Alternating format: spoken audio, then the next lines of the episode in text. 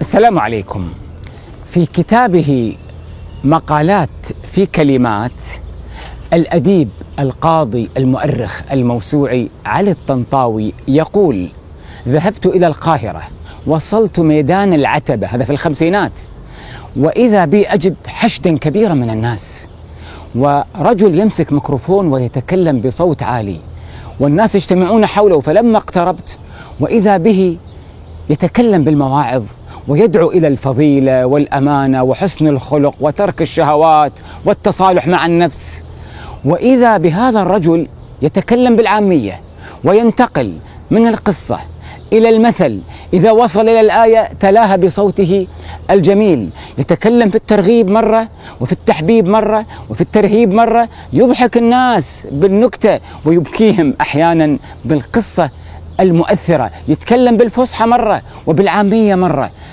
فانصت إليه وتأثرت بكلامه ورأيت أن حشد كبير من القاهرة.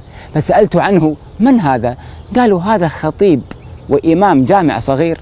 لما رأى الناس لا يأتون الجوامع خرج إليهم. وكان يومها في الخمسينات.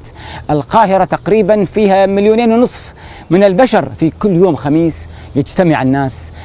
والذي يجتمع إليه يقول مسلم ونصراني ملحد ومؤمن لأنه يقول كلام مفيد ونافع للجميع للأسرة للبيوت للناس للمستقبل للأخلاقيات. ما الذي يريد أن يصل إليه الأديب علي الطنطاوي من هذه المقالة بعنوان واعظ العتبة؟ يريد أن يقول لك أن الواعظ المصلح الاجتماعي اولا يجب ان لا ينفصل عن الناس.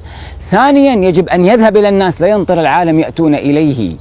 ثالثا يجب أن يتكلم بلغات فنية وبأساليب متنوعة حتى يصل لكل الشرائح ويبدأ بالتحبيب قبل الترهيب. وبعدين التواضع لهؤلاء البشر.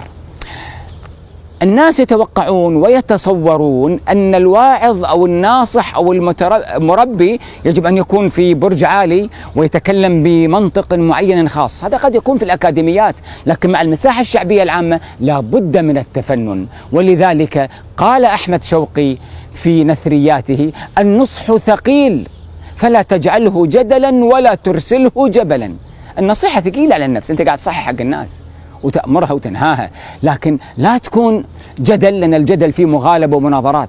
ما يقبلها الإنسان يكون مهزوم. ولا يكون جبل يقصد نصيحة ثقيلة من باب إبراء ذمة وتبكيت الناس وبمجرد أحكام. خلك تحبب للناس وتقترب منهم. لماذا نذهب بعيدا؟ ألم يقل المشركون عن رسول الله عليه الصلاة والسلام. وما لهذا الرسول يأكل الطعام ويمشي في الأسواق؟ يتوقعون شيئا مثاليا منفصلا عن الواقع؟ لا الرسول إنسان بشر.